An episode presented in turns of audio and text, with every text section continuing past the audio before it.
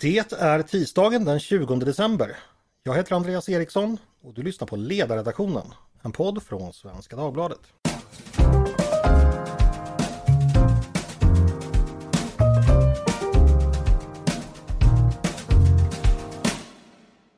Varmt välkomna ska ni vara. Ursäkta att vi stör mitt i julstöket och julbaket. Men jag tänker att ni kan behöva en liten paus. Några andra som också håller på med ett bak, eh, det är Centerpartiet och de ska baka till sig en ny partiledare eh, som ni säkert känner till. Den tidigare, Annie Lööf, har avgått och håller nu på att avtackas. Hon har lett partiet i 11 år, år som inneburit stora förändringar både i svensk politik och för Centerpartiet. Men nu kliver hon alltså av och den 2 februari nästa år kommer en ny partiledare väljas på en extra partistämma. Det finns som ni kanske vet tre kandidater till jobbet. Dessa presenterades av valberedningen redan i november. De heter Daniel Bäckström, Elisabeth Tand Ringqvist och Moharrem Demirok. Alla tre sitter i riksdagen för partiet och är talespersoner. Hur kommer det här att gå då? Varför är det just dessa tre man väljer mellan? Vad är det för skillnad mellan dem? Och vilket håll kan de tänka styra partiet? Och inte minst, vem är det som är favorit till att bli ny partiledare? Det ska vi prata om idag och med mig för att göra det har jag tre gäster som jag har grävt upp ur den rika djupa Centermyllan. Eh, nämligen Julia Eriksson, Olof Jonmyren och Elin Larsson. Varmt välkomna alla tre! Tack så mycket! Tack så mycket! Tackar! Eh, Julia, ordförande för Centerstudenter. Välkommen! Tackar! Eh, Olof, du är politisk redaktör på Sörmlands Nyheter. Ja. Är du väl fortfarande? Jajamän, de senaste 21 åren eller vad det är. Trevligt att vara här igen. Ja, okej. Okay. Ja, du är varmt välkommen. Och Elin, eh, tidigare vice ordförande för Centerstudenter, numera också krönikör på Gefle Dagblads ledarsida. Välkommen! Tack så mycket! Tänkte börja med dig Julia, bara lite kort om den här processen. Jag tycker den verkar väldigt trevlig och, och välordnad. Man utser officiella kandidater som får åka runt och visa upp sig och säga hej till folket. Eh, det är inte som hos Socialdemokraterna där allting är väldigt mystiskt och alla tackar nej tills plötsligt någon tackar ja. Är det typiskt för eh, ditt parti att man kör ett så här öppet och trevligt race? Eller är det inte så trevligt kanske som vi, vi ser det utifrån?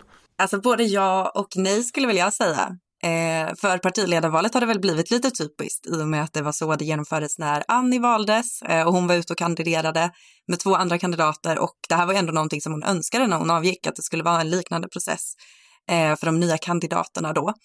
Eh, sen så tycker jag, alltså så här, det är ju säkert en väldigt öppen process i jämförelse med andra partier eh, och då, ja men som du tog upp Socialdemokraterna, men sen vet jag inte om jag tycker att så här, bara för att man har ambitionen och säger att det här är en öppen process i Centerpartiet så betyder det ju inte att det är en process som är som är öppen per se. Eh, och jag skulle väl säga att så här, det finns definitivt öppna delar av den här processen. Just det här med att man har fyra stora utfrågningar där man bjudit in ja, journalister till och med att närvara. Mm. Eh, men samtidigt så är det ju en process där många möten också sker mellan distriktsstyrelser, mellan syskonens styrelser och kandidaterna. Eh, och jag upplever väl att det har goda sidor för att jag tycker att när jag pratar runt och pratar med folk som har varit på enbart de här öppna eh, livesända frågeställningarna eller frågestunderna så har man väl upplevt att det varit svårt att så här, vad skiljer kandidaterna åt? Alltså det har inte mm. blivit riktigt de spetsiga, svåra frågorna som man får när man besöker lokala styrelser. Men vad intressant, för det, det, jag kan förstå precis vad du menar att det kan bli lite snällt och lite polerat kanske när eh, alla ska vara vänliga mot varandra och man ska framhålla och sen, ja, det blir helt enkelt aldrig riktigt skarpt läge. Eh, men det ger mig anledning att vända mig till Olof, för du har ju varit indragen i den här processen genom att du har genomfört eh, tre, vad ska man säga, officiella poddintervjuer, en, en med vardera partiledarkandidat. Eh, hur, hur var det? Ställde du tillräckligt skarpa frågor där? Det är ju sådär att en officiell intervju behöver ju vara rättvisande för samtliga deltagare och på, utifrån detta så har den ju sina begränsningar. Och målet var ju också att ja, få till ett samtal, inte ett förhör. Mm. Uh, och det, då får man utrymme för en vänligare ton, det blir ett annat sätt att svara på frågor. Men i gengäld så kryper du ju bara delvis nära i vissa frågor. Du kommer ju inte att kunna ställa de riktigt skarpa frågorna just där och då. I en process så, som ett partiledarval så kommer det utrymmet senare. Vi, hade, vi har haft de här officiella utfrågningarna också på, på plats runt om i landet. Mm. Ni skulle ha tagit in mig istället så hade jag tagit in dem i en mörk skrubb och satt fast dem i en sanningsdetektor. Då, så har vi sett det hade blivit en, blivit en hård eh... resa där och de som hade kommit ut där hade verkligen varit ärrade för framtiden. Precis. Men, men om vi ska vara allvarliga med Olof, de här samtalen, eh, handlade de om ungefär samma saker eller styrde de olika kandidaterna sina samtal åt, åt, olika håll? Tycker du att man, man märkte skillnader i vad man valde att fokusera och uppmärksamma? Jag skulle vilja säga så här att för att det skulle vara ett rättvisande samtal så var det i princip exakt samma frågor till samtliga. Men sedan hur samtalet förde sig, det är ju beroende på hur man svarar. Så att strukturen och ramen, det, som Julia påpekade, blir ju väldigt lika och svarar och kandidaterna snarlikt så, så blir det ju inte så stora skillnader. Men, men jag tycker ändå att det blev ett utrymme för ganska bra och spontana samtal som man kunde se personen i fråga och inte bara så att säga den politiska fasaden Vi återkomma till personerna sedan. Jag ska säga också att de här eh, poddintervjuerna kan man ju lyssna på ifall man är intresserad vidare. De finns på Centerpartiets hemsida. Life is made up of many gorgeous moments. Cherish them all, big and small, with Blue Nile. Whether it's for yourself or a loved one, Blue Nile's unrivaled selection of expertly crafted fine jewelry and statement pieces help make all your moments sparkle. Blue Nile's experts are on hand to guide you, and their diamond guarantee ensures you get the highest quality at the best price. Celebrate a life well lived in the most radiant way and save up to 30% at BlueNile.com. That's BlueNile.com. Elin, vad säger du om det här att det, vi har en yttre process som är lite trevlig och städad och, och ganska polerad och så sker det andra saker ja, ganska naturligt i slutna rum. Eh, vad har du märkt av av processen? Nej, men jag tycker att eh, processen, alltså utåt sett, precis som, eh, som Julia har lyft, så har den liksom varit eh, väldigt snäll och det tycker jag också varit lite, det har märkts också i liksom, intervjuerna och i de utfrågningar som har varit, att de har inte varit så hårda, man har inte gått på någon något särskilt hårt utan det som, liksom, som har varit lite hårt det är väl kanske Daniel Bäckströms eh, otydliga svar när det kommer till liksom, eh, gå i Pride-paraden och eh, eh, eh, viga samkönade. Mm. Eh, så jag skulle inte säga att den här processen liksom har gjort mig något klokare eller tydligt gjort att jag velat ta ställning för någon kandidat egentligen. Eh, utan det var väldigt, men väldigt trevligt som det ofta är i Centerpartiet. Mm. Ni är väldigt trevliga, det, det är sant. Eh, men Elin, har du märkt av någonting om vad som har skett i, kulisser och slutna rum och på det som Julia pratar om på, på lokala styrelser och sånt där, alltså hur, hur resonemanget går där? Och hur skiljer det sig från det, det som vi ser utåt? Nej, men utåt sett så tycker jag att det ändå ser ut som att alla tre kandidater fortfarande har en god chans. Eh, det är liksom ingen eh, som aktivt har gått och tagit liksom, ställning mot någon. Eh, jag skulle säga att eh, liksom, spelet förändrades eh, på den utfrågningen i Piteå, tror jag att det var, när Daniel Bäckström fick frågan om samkönade äktenskap och så, som han liksom tvekade så mycket till. Det förändrade väldigt mycket eh, och det tror jag också förändrade den interna diskussionen. Och att efter det började luta liksom, att det stod mer mellan Elisabeth Hamrin-Kvist eller Muharrem Demirok. Mm. Innan så var det väldigt mycket mer öppet. Eh, Olof, vad säger, det, vad säger du om det? Bedömer du, du också att det var en... Eh, ja, nu står du neutral mellan, mellan kandidaterna men om du ändå kan ge oss liksom en, vi som är utomstående en, en kommentar som vi förstår. Varför var det viktigt det som skedde? Jag ska berätta för lyssnarna då, det var ju då att eh, kandidaterna fick då frågan om man skulle kunna tänka sig att eh, viga samkönade par och då också gå längst fram i Prideparaden och då upplevdes som jag förstod Daniel Bäckströms svar helt enkelt otillfredsställande. Han, han, var inte så tydlig som han borde vara. Men vad säger du Olof, varför var det problematiskt? Eller var det problematiskt? Ah, håller du med Elin om att det, det var det? Jag tror så här att det är klart att det blev en av få frågor där kandidaterna plötsligt inte var lika strömlinjeformade och därför blev det en väldigt stor fråga. Eh, valet av partiledare är mycket bredare än så. Man väljer en person och en helhet med många olika egenskaper. Men det som hände där var ju naturligtvis så att Daniel Bäckström fick sig en lärdom av att vad man svarar och hur man svarar betyder väldigt mycket. Han har ju formulerat om sitt svar efteråt. Men det är klart att det påverkade processen, det tror jag. Det har ju hänt fler saker i den här där, där kandidaterna har hamnat i olika frågor som har påverkat bilden av dem. Jag delar dock Elins bild av att det är ett brett race. Det är in, vi ska nog inte räkna ut någon än. Jag, jag tror också att det som, alltså, som förändrade liksom spelet då, det var att det kanske för första gången blev en liten hård ton i den här liksom, öppna processen som hittills har sett som väldigt snäll.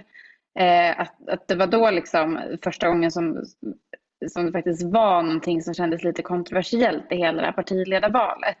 Mm. Eh, och det är väl lite samma kanske idag. Harem Demirok lagt ut en Facebook-status om att han eh, har dömts för liksom två fall av misshandel på 90-talet eh, som han inte har berättat för valberedningen tidigare. Det är också sådana grejer som så här, det borde ha kommit fram tidigare. Hade det kanske kommit fram tidigare om man hade haft en lite hårdare process där man också pressar kandidaterna mer. Mm. Men så, så gör ju inte riktigt Centerpartiet. Det ligger ju inte riktigt i Centerpartisternas DNA att spela spelet som kanske Socialdemokraterna gör. Du bjuder på en nyhet mitt i, mitt i panelen här då, så att eh, en av kandidaterna precis har berättat om det. Ja, förlåt Olof, Det jag tror säga? man ska se här det är ju också att en process är inte bara öppen. Jag lovar att det pågår samtal bakom kulisserna där man ställer betydligt hårdare frågor. Betydligt tuffare frågor och kryper närmare på personen. För man ska ju komma ihåg att den här personen kommer ju som till slut bli vald får ju inte ha uppenbara brister som någon annan avslöjar och som påverkar helheten i ett kraftfullt negativ riktning. Då gör ju egentligen inte valberedningen sitt jobb. Den, den sidan ska man nog också se, även om det så att säga mycket är öppet, mycket är samtalsvänligt, mycket är kaffebulle och goda tankar, men, men, men det finns naturligtvis en skarpare reell bakgrund där frågorna måste vara hårdare. Sen... Mm. Ja, och så, så, är det ju såklart. Men liksom, sådana frågor eller eventuella skelett i garderoben måste ju också komma fram till medlemmarna för att de själva ska kunna ta ställning eh, till vilka liksom, misstag och historiska händelser som inte är okej. Det är ju inte upp till kandidaten att avgöra. Mm. Jag ska bara kort säga då, sammanfatta vad Muharrem Demirok skriver idag på, på Facebook som lades upp bara för några timmar sedan. Det är att då han är dömd för misshandel vid två tillfällen, eh, en gång när han gick på gymnasiet och en gång när han pluggade i Linköping. Och han eh, dömdes i, i första fallet till dagsböter och i andra gången eh, blev det samhällstjänst i 40 timmar. Och detta har han alltså inte berättat tidigare och om jag förstår honom rätt när jag skummar igenom hans förklaring så beror det på att han har känt stor skuld och skam över detta. Eh, vi går vidare. Julia, ni på Centerstudenter har ju vad jag förstått redan bestämt er för vilken kandidat ni tycker är bäst och det är Elisabeth Hand Ringqvist. Var det ett lätt beslut att fatta? Nej, jag skulle inte säga att det var ett enkelt beslut, eh, givet att Centerpartiet har stora utmaningar framgent, både liksom politiskt kopplat till förtroende men också organisatoriska frågor. Och såklart med hänsyn till att en partiledare är ju en person som måste vara duktig på ja, men i princip allt, eh, ha en grundläggande förmåga på alla dess möjliga plan. Så det har inte varit ett enkelt beslut, eh, men någonstans har vi landat i att vi ganska tydligt har stakat ut vad vi tycker att Centerpartiet behöver framgent eh, pratat med kandidaterna, följt de här utfrågningarna, deltagit på olika forum där de har fått prata om vad de tycker är viktigt och landat i att eh, Elisabeth är den personen som vi tror skulle göra det här bäst. Mm. Och när ni, ni säger det här, vad har ni för förväntningar på att nästa partiledare ska klara av att göra för partiet? Eh, en jätteviktig eh, förväntan som jag ser som helt essentiell för att det ska liksom vända uppåt för Centerpartiet igen, det är ju att vi måste vinna tillbaka förtroendet i sakfrågor. Eh, vi ligger långt ner i förtroende i de frågorna som väljarna tycker är väldigt viktiga. Eh, och det här är ju en sak som givetvis utvecklas i ett parti fram och tillbaka under tiden som går, men någonstans är det ju det som är avgörande för vilket mandat man får och vilka möjligheter man har att påverka med sin politik. Eh, och här borde vi måste göra ett gediget sakpolitiskt eh, utvecklingsarbete. Det är ju ingenting heller som sker över en natt, utan det här måste man göra under flera år. Det är jätteviktigt att en ny partiledare har den ambitionen och då kanske i synnerhet inom klimatpolitik som är en väldigt viktig fråga eh, för partiet och där vi borde ligga högre i förtroende, men också i grundtrygghetsfrågor som handlar om rättspolitik, alltså trygghet i strikt mening, ekonomiska frågor, sjukvård. Eh, sen tycker vi också att det är väldigt viktigt att vi har en partiledare som har den här förmågan att se, eh, att se hela landet och att inte liksom vi har ju en historia av att vara ett starkt intresseparti för landsbygden i Centerpartiet, men vi har ju otroligt mycket väljare, eh, eller vi har en stor, jättestor spridning på våra väljare egentligen. Mm. Eh, och för oss är det väldigt viktigt att man kan se landsbygden är, det är ett perspektiv man måste anamma i till exempel frågor som rör trygghet i vardagen. Men många utmaningar är ju detsamma för personer oavsett om de bor i en liten tätort eller om de bor i en större stad. Det är samma liksom, livsmönster, eh, samma problem med att komma fram till en eh, primärvårdsmottagning när någonting har hänt. Och det här måste vi liksom kunna se och det måste en ny partiledare kunna ha det perspektivet. Och det tycker jag verkligen att Elisabeth har talat utifrån att hon, hon har det perspektivet. Okej, okay, okej. Okay. Eh, återvinn förtroendet, eh, utveckla sakpolitiken och se hela landet. Alltså, eh, Elin, vad tror du partiet har för förväntningar på nästa partiledare att hen ska klara av? Nej, men precis som Julia lyfter så finns det stora utmaningar både liksom politiskt och organisatoriskt och som partiledare så ska man vara bra både eh, internt för massorna och externt för väljarna. Eh, jag tycker inte att någon kandidat tickar i alla boxar riktigt så jag tycker det här valet har varit väldigt svårt. Eh, mm. Och jag tycker att det är synd att man väljer partiledare nu eh, och inte inväntar eftervalsanalysen. För jag tror att det är mycket viktigt som kommer komma fram där som är avgörande för Centerpartiet framåt. Okej, okay. när kommer den då? Ja, det vet jag inte riktigt. Det kanske Julia vet bättre än jag. Eh, men mm, det är väl planen kommer nog inte vara klar. Ja, den kommer nog inte vara klar till eh, ny, alltså extra partistämman i alla fall. Jag trodde du satt, och skrev, att du satt och skrev på den Elin, nämligen. Det var därför. Nej, men, och process, processen har ju skett nu i höst liksom. Och då mm. har det, ju, det har ju varit väldigt, jag skulle säga att Centerpartiet har varit lite liksom sårat och sargat efter valet. Mm. Vi släpper in Olof här bara. Samma fråga till dig. Eh, partiets förväntningar på vad nästa partiledare ska klara av. Vad är det man ute i partilandet tycker att eh, ja, det här ska helt enkelt nästa partiledare fixa? Jag tror framförallt att Centerpartiet behöver mejsla ut vad Centerpartiet är efter Annie Lööf. Det tror jag är den stora utmaningen. Då handlar det bland annat, som redan nämnts, om att bestämma sig vilka sakfrågor som definierar centerpolitiken, vad man behöver bli starkare och tydligare. Men också att visa på vad man vill vara framöver. Den delen kommer ju att färga oavsett vem som väljs hur man lägger upp strategin och var man sätter ner fötterna. Det, det vore konstigt annars för att Centerpartiet är ju egentligen inte, vare sig vi pratar om Fälldin eller vi pratar om Maud Olofsson eller Annie Lööf så är ju inte Centerpartiet definitionen av sin tidigare partiledare utan Centerpartiet är ju en följd av vad partiet väljer att vara i stunden och, och ser, ser vad man vill vara framöver och den, den delen tror jag är väldigt viktig. Mm.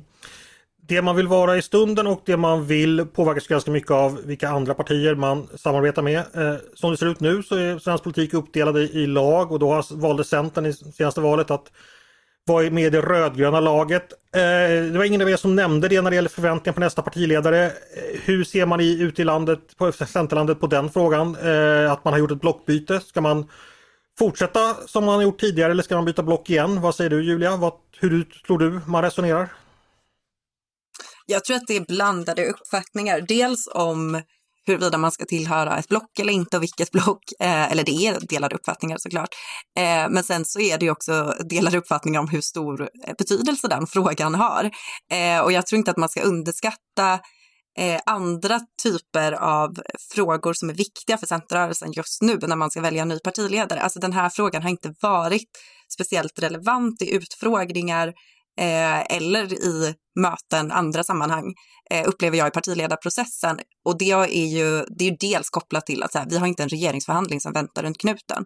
Eh, vi behöver inte ta ställning till ett block, utan nu har vi en regering och så har vi en opposition och vi ingår i oppositionen, vi är ett oppositionsparti. Eh, det har naturligtvis bidragit till att det inte är en aktuell fråga och därmed inte diskuteras lika mycket just nu. Eh, däremot så tror jag att att en, eller jag vet att en fråga som diskuteras är ju hur man ska förhålla sig till eh, frågan om vill man vara ett mittenparti eh, med den liberala inriktningen då och kunna ha en förhandlingsposition gentemot båda sidorna, vilket jag tror att så här, det är Centerrörelsen överens om. Eh, att man måste kunna förhandla åt båda sidor och se vad man kan få mest politik mm. eh, i utflöde. Och då så spelar det ju roll givetvis i huruvida så här, har man sagt att man är ett mittenparti och att man kan samarbeta eller prata om samarbete eh, och se över möjligheten för samarbete åt båda håll? Eller har man låst sig till en sida i förväg, vilket vi gjorde lite i det här valet eh, när Annie gick ut och sa att... Ja, lite. Ni, ni, ni, ni, gjorde ju det. Eh, ni sa ju vilken ja, statsminister ni föredrog. Ja, men det var, väl lite, det var väl lite både en positionsförflyttning som skedde långsamt och blev definitivt med att Annie gick ut och sa att vi, Magdalena är statsministerkandidat nummer ett. Eh, Elin, har, har, du hört någonting om diskussioner? Vet vi hur kandidaterna ställer sig här? Har de fått frågan eh, vilken sida av politiken Eh, man står idag. När det, ja, de facto finns det ju två lag där, där ute. Sen kan man ju då välja att stå, stå, stå utanför de lagen om man vill. Men, men förr eller senare kanske man kommer ju, behöva... Det är ju ingen som tydligt har tagit ställning liksom för ena eller andra utan alla kandidater verkar ju ense om att den, liksom, den linje man har slagit in på idag som väl är, då är Annie Lööfs linje, den ska ändå ligga fast och liksom ställningstagandet mot Sverigedemokraterna ska ändå kvarstå.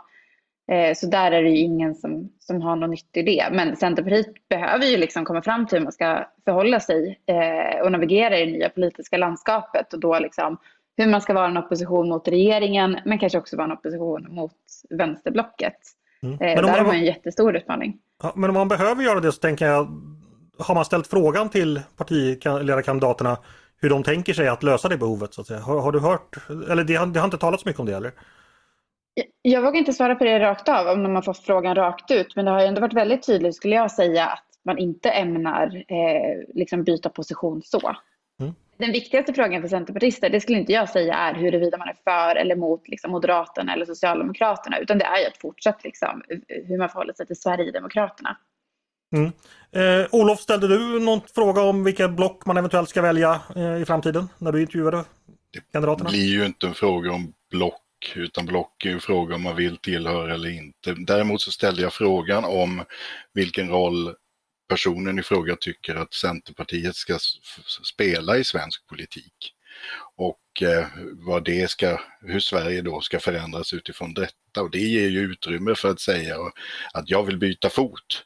Men ingen sa sig villig att byta fot. Jag tror att vi ska se, vi ska se vad valanalysen kommer fram till, för det påverkar Centerpartiet på många sätt, vilka slutsatser som dras där. Men jag tror att en viktig grej som man ska ha ögonen på, det är också hur Centerpartiet väljer att se sin relation till Socialdemokraterna framöver. För det tror jag, vilket både Elin och Julia har har tagit upp här, det, det är ju också en politikpåverkande faktor för hur väljarna uppfattar den. Så är det såklart. Eh... Life is made up of many gorgeous moments. Cherish them all, big and small, with Blue Nile. Whether it's for yourself or a loved one, Blue Nile's unrivaled selection of expertly crafted fine jewelry and statement pieces help make all your moments sparkle. Blue Nile's experts are on hand to guide you, and their diamond guarantee ensures you get the highest quality at the best price. Celebrate a life well lived in the most radiant way and save up to 30% at BlueNile.com. That's BlueNile.com. En sak som då man kan fundera över, ja det vet jag inte om det har, det har diskuterats alls, men den dag eh, när Socialdemokraterna kommer börja att samarbeta med, eller öppna för samarbete med Sverigedemokraterna och Moderaterna och eh, Socialdemokraterna helt enkelt bjuder över varandra för att försöka få Sverigedemokraterna. Vad ska Centern välja då när så att säga, Sverigedemokraterna blir icke-fråga eller båda sidor är lika onda? Är det någonting som man ser framför sig? Vad säger du Julia? Har du hört någon diskussion om det inom Centerpartiet? Nej, eller det är klart den diskussionen finns. Alltså, den finns ju, den finns ju i media också. Det rapporteras om, eller spekuleras om huruvida det kommer hända. Mm. Eh, jag tror väl att lösningen i det fallet att säga, men säg att vi har två sidor där båda vill samarbeta med Sverigedemokraterna på ett eller annat sätt. Ja, det är väl lite samma position vi har varit i. Vi har haft en sida som vill samarbeta med Vänsterpartiet, en som vill samarbeta med Sverigedemokraterna, bara i så här centerpartistiska röda linjer. Eh, Fast då valde ju Centerpartiet man... den sidan som ville samarbeta med, med Vänsterpartiet. Ja, men precis. Men uppfattningen är ju ändå hos gemene centerpartist att man varken föredrar Sverigedemokrater eller Vänsterpartister och så tycker man lite sämre om Sverigedemokrater än vad man tycker om Vänsterpartiet. Eh, det är den gemena uppfattningen skulle jag säga hos centerpartister. Eh, och då behöver man ju en, ett ledarskap i Centerpartiet som kan, sätta, som kan sätta vår position i betydelse. Alltså vad ska vi göra i den situationen? Ja, i den situationen kommer vi troligtvis fortsatt ha en position där vi där vi har någon form av vågmästarroll. Vad väger tyngst? Ska man ställa sig utanför och säga vi försöker inte med något av de här alternativen? Det kan ju ha, absolut kan visa på någon form av integritet om man har satt upp de här linjerna. Eller ska man gå in i förhandlingar med att här har vi 200 sakpolitiska förslag vi vill genomföra nästa mandatperiod. Eh, ska det då vara en JA-lösning? Eller ska det vara en lösning likna, mer liknande Tidöavtalet man ser nu. Alltså det finns ju, man kan ju spekulera om det där. Eh, mm. Men jag tror att det viktigaste, absolut viktigaste för Centerpartiets roll i svensk politik, oavsett om det handlar om förhandlingar eller vad andra partier gör, är ju att vi måste bli tryggare i vår egen sakpolitik. Vi måste veta vad, vad vill vi? Den dagen vi ställs inför frågan om vi ska öppna en förhandling med andra partier eller om vi ska ingå i en regering, då måste ju vi ha färdiga reformförslag i princip för vad det är vi vill få ut av det och sen utvärdera Finns det möjlighet att genomföra det här, då kanske vi hoppar på tåget. Blev det inte som vi har tänkt, då hoppar vi av. Det, då är det inte värt det. Att veta vad man vill är alltid en klok strategi tror jag. Eh, tänkte vi ska prata lite om de enskilda kandidaterna. Eh, Olof, du som har träffat alla. Eh, Muharrem Demirok, eh, vad är det för politiker? Vad, vilka frågor har han gjort sig, eh, profilerat sig kring tidigare och finns det några särskilda drag du skulle vilja plocka fram så för lyssnarna så att de lär känna honom lite? Mohamed Demirok är antagligen det mest oskrivna kortet utåt av de här tre kandidaterna. Men eh, man ska komma ihåg att han har en bakgrund som kommunalråd i Linköping. Han har suttit i partiets styrelse under en tid och varit ett känt namn den vägen. Jag tycker mig se att han gör sin kandidatur på, på grunden av att vara Maud-generationens politiker och en politiker som kommer från förorten men ser behovet av decentraliserad makt både i stad och land. Han är stockholmare eh, från början. Eh, hur, hur, hur tas det emot i Centerrörelsen? Man kan väl säga så här att om du... Det är liksom ett, ett parti som så länge har varit haft en självbild av att vara landsbygdens röst så är det liksom Stockholm det svåra. Samtidigt så vet man att i svensk politik vinner du ingenting om du inte vinner väljare i stora städer. Därför att det är nyckeln till att få större makt. Sen har du inte råd att förlora landsbygden för det. Men så att jag tror att tiden är ett annorlunda läge än vad det var kanske 1998 när Lennart Daléus tillträdde. Elin, har du någonting att tillägga eh, om eh, Muharrem? Nej, alltså han uppfattas tycker jag som liksom mest fräsch och spännande, vilket väl har att göra med att han utåt sett ser ut att ha ett lite annat perspektiv. Men internt så är han ju precis som Olof lyfter. Alltså han är ju liksom det här, alltså kommunalgubben i Centerpartiet som har varit en del av ledningen väldigt länge, men han kommer också undan med det skulle jag säga. Man ska aldrig underskatta ett kommunalråd, det har jag lärt mig inom politiken. Eh, Okej, okay, men Daniel Bäckström då, om du börjar där Elin. Vad, vad, finns det att säga om honom mer än att han eh, eventuellt inte skulle gå längst fram i Pride-paraden men, men sen skulle göra det? Nej, men han är ju verkligen den här värdefasta landsbygdskandidaten. Eh, alltså en, en, klassisk centerkandidat. Han är ju också den som lyfter landsbygdsfrågorna mest eh, och liksom att han har varit landsbygdspolitisk talesperson. Eh, och bara det gör ju att han är en väldigt klassisk centerkandidat. Mm. Eh, och Elisabeth Thand Ringqvist slutligen då, Olof, vad finns att säga om henne? Vad, vad, vad utmärker henne tycker du främst? Elisabeth är ju den som kanske tydligast har pratat om näringslivsfrågorna. Det är ju inte så konstigt, hon har ett CV som visar att hon kommer från den vägen och har jobbat för näringslivet, flera tunga organisationer. Det kan man säga.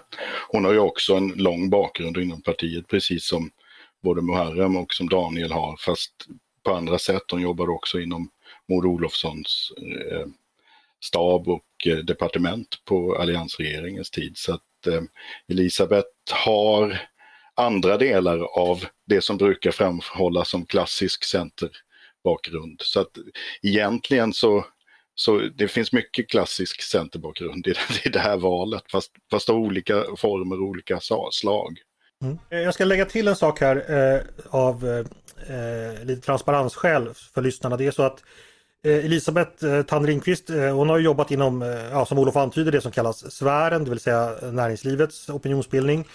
Hon har bland annat suttit i styrelsen för Stiftelsen Fritt Näringsliv och hon har också suttit i styrelsen för den tidning som jag och Paulina Neuding ägde och drev i många år som hette Neo. Då hade hon vänligheten att sitta som styrelseordförande i några år. Så jag har haft den relationen med henne.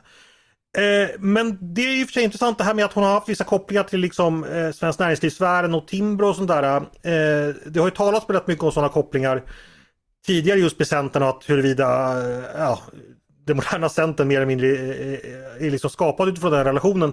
Elin, vilket värde har det i, i Centerpartiet idag? Är det liksom okontroversiellt eller är det väldigt bra att man är tvärt, tvärtom väldigt bra att man har varit nära näringslivets opinionsbildning? Vad, vad tänker du om det? Jag skulle ändå säga att det är ganska okontroversiellt men att det har en förmåga att spelas upp och överdrivas. Eh, kanske externt men också liksom av de här lite äldre lantisgubbarna i partiet. Eh, som gärna liksom bara fokuserar på landsbygd och inte alls på Stureplan. Eh, så jag tycker det, det, är lite överdrivet eh, skulle jag säga. Är det fortfarande lika många centerstudenter och suffare på Stureakademin som det var för några år sedan? Ja, men de har väl en ganska liksom, eh, kontinuerlig representation där. Eh, men Centerpartiet, alltså, man har ju många storstadsväljare och det, måste, alltså, det ska man ju ha, precis som Olof lyfte. Man måste ju vinna storstadsväljare för att överhuvudtaget kunna vinna val. Eh, så det är liksom, det, jag tycker det är lite tramsigt, eh, liksom, raljanten kring Stureplan. Mm. Den finns inte längre på det sättet.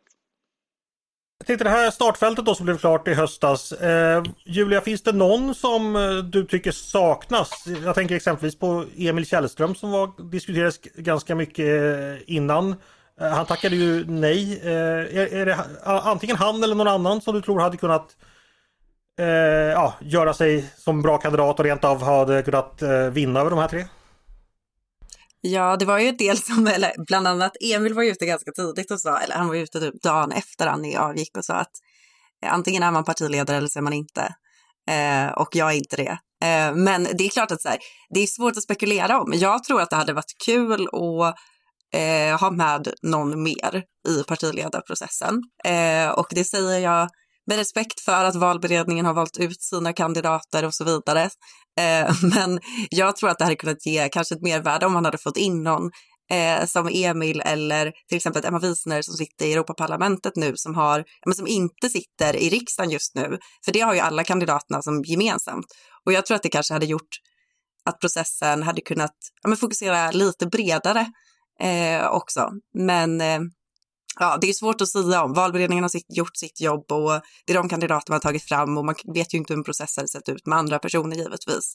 Eh, däremot så är det ju väldigt, det är väldigt svårt att veta, alltså på tal om så här öppen process i Centerpartiet, det är väldigt svårt att veta hur, eh, hur många som nominerades. Alltså vilka var det som nominerades, hur många hade man som urval och kanske ja, men kopplat till det också, vad var vad var de viktiga kriterierna? Alltså vilka kriterier vägde tungt? För att valberedningen var ju tydlig med att så här, det här är ingen medlemsomröstning. Vi går inte på eh, hur många nomineringar en viss person har fått från distrikt och så vidare. Eh, men det är ju svårt att veta eh, mm. hur urvalet exakt har skett. Emil Källström är en bra pojke ska jag säga. Han är från Örnsköldsvik och eh, hans föräldrar har visst umgänge med min eh, moster. Så att, eh, ja, jag har alltid haft en, en svag, svag punkt för honom. Eh, ja, också transparensskäl. Eh, nej, men så här då, Olof. Den fram, fortsatta processen. 2 februari är det dags för, för extra partistämma. Innan dess antar jag att eh, valberedningen kommer helt enkelt förklara vilken kandidat man föreslår. Så, och det gör man väl genom att sitta och ringa runt i distrikt och läsa av stödet. Eh, när kommer man få, vi få, få det beskedet? Vet Nej, det? jag har inte hört något exakt datum, men det är ju så att jag är, sitter ju inte inne i partiet så det är möjligt att jag har missat något. Men jag skulle vilja säga så här att det ska väljas en partiledare 2 februari.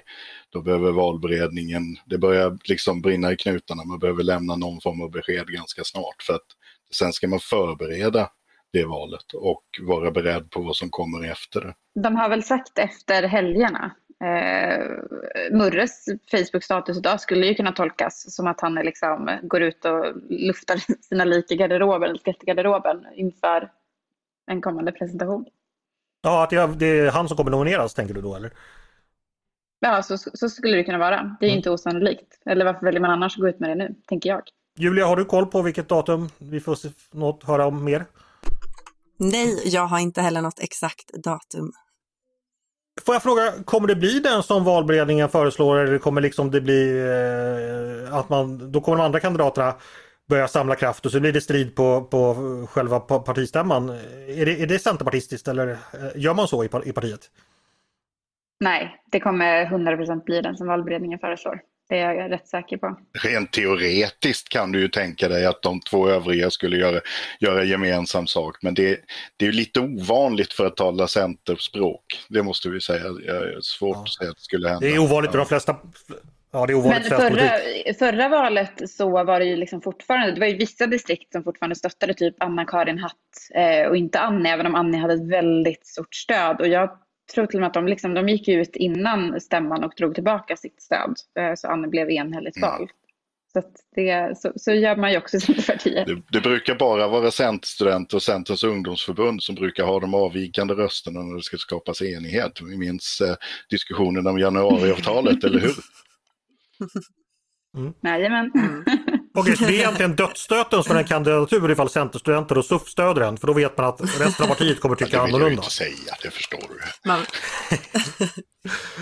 Men hörni, eh, vi ska ta och avrunda snart. Jag tänkte bara fråga, finns det någonting mer här som vi utomstående behöver veta som är viktigt? Ni som kan partiets inre liv som är så att säga speciella centeraspekter på det här. Alltså, ja vad kan det vara att personen måste ha, ja det är jätteviktigt vad Kronobergsdistriktet tycker. Eller personen måste ha erfarenhet av det och det har inte hänt. Så då blir eller, ja, finns det några nycklar här som ni ser som inte vi andra ser? Vad, vad tänker du Julia? Kan du, kan du avslöja någon sån? Ja, men jag tror inte att det är så här, ja, de här distrikten och så där som det kanske är i sossarna och moderaterna riktigt. Liksom. Eh, men däremot så tror jag att man ska nog inte underskatta eh, vad det betyder att känna av en partiledares liksom, närvaro och goda stämning i det sammanhang. Alltså Centerpartiet är ganska skört just nu. Eh, det blev ett förlustval för oss och inte bara på riksnivå utan på både regional och kommunal nivå också. Eh, och det finns liksom en skörhet i Centerpartiet och då finns det, det finns en lösning med det och det är att centerpartister ska få hänga tillsammans, ha trevligt och liksom ja, men kunna, kunna göra någonting gemensamt eh, under god stämning. Liksom. Och jag tror att man ska nog inte underskatta betydelsen av att man har en partiledarkandidat som känns så här, trygg, närvarande, social eh, i det avseendet. Det kanske är annorlunda mm. mot andra processer, men det är någonting jag tycker utmärker eh, Centerpartiet, att så här, personen, partiledarpersonligheten spelar stor roll också. Mm. Ja, jag kan ju bara tala från mina erfarenheter från ett annat liberalt parti och där har ju man har haft historier av partiledare som kanske inte varit så sociala alla gånger eller den som, ja, ja jag vet inte.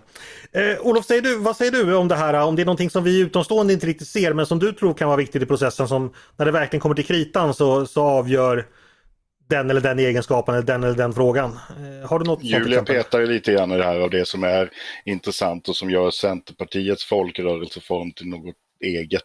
Det är inte bara kaffekaka så att säga, utan det handlar om att känna sig hemma på många sätt. Och det är väldigt viktigt för många centeraktiva att känna sig hemma i sitt parti. Och det gör att just den här själva identitetsbyggandet är oerhört viktigt. Att ha igenkänningsmarkörerna som gör att det här, är, det här är det parti som jag känner att jag stödjer, att det betyder mycket att man får de signalerna. Sen vem som sänder det, ja det beror ju på, framstår den personen som trevlig och eh, tillitsvärd så är det ju sannerligen inga, ingen negativ egenskap, det ska man ju säga. Mm. Elin, håller du med om att det här betydelsen av att man ska kännas centerpartistisk, eh, alltså bottna i, i rörelsen, att det är en väldigt viktig del?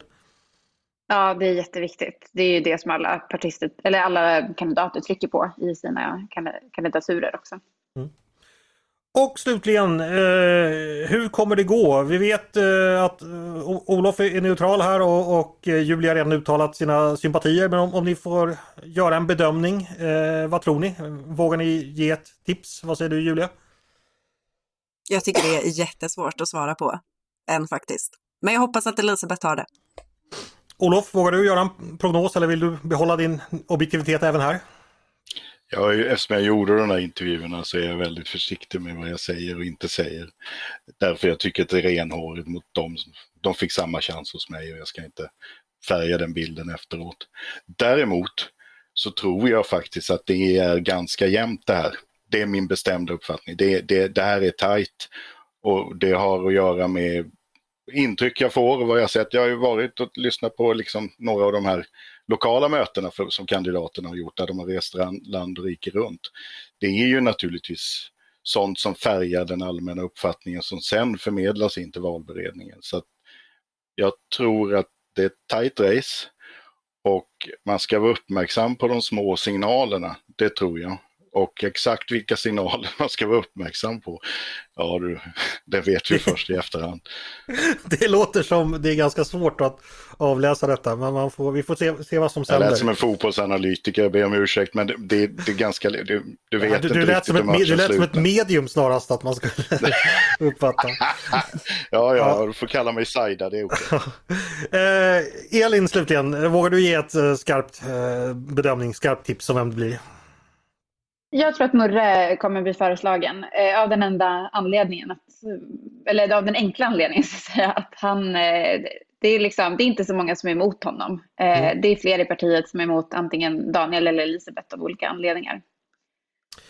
Intressant hörni, vi får se hur det går. Jag kommer att eh, kalla tillbaka er för eh, facit och läxförhör när detta, detta är klart. Så får vi gå igenom den nya partiledarens möjligheter. Det är alltid så trevligt att ha centerpartister i podden. Ni måste vara, ni måste vara ett väldigt trevligt parti, eh, trevlig rörelse.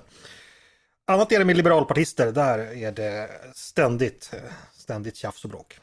Stort tack Julia Eriksson och Olof Jonmyren och Elin Larsson för att ni kom och pratade med mig idag. Tack så mycket. Tack så mycket. Tackar. Tack till er som har lyssnat också på dagens avsnitt av Ledarredaktionen, en podd från Svenska Dagbladet. Nu ska ni få återgå till julbak och glöggblandande. Och eh, efter en glögg så kanske ni känner er sugna på att eh, höra av er till oss på redaktionen. Eh, och då får ni förstås väldigt gärna göra det. Eh, antingen om ni har tankar och synpunkter på det vi precis har diskuterat eller om ni har förslag på det vi ska ta upp i framtiden.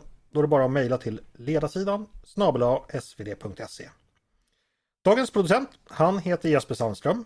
Jag heter Andreas Eriksson och jag hoppas att vi hörs igen snart.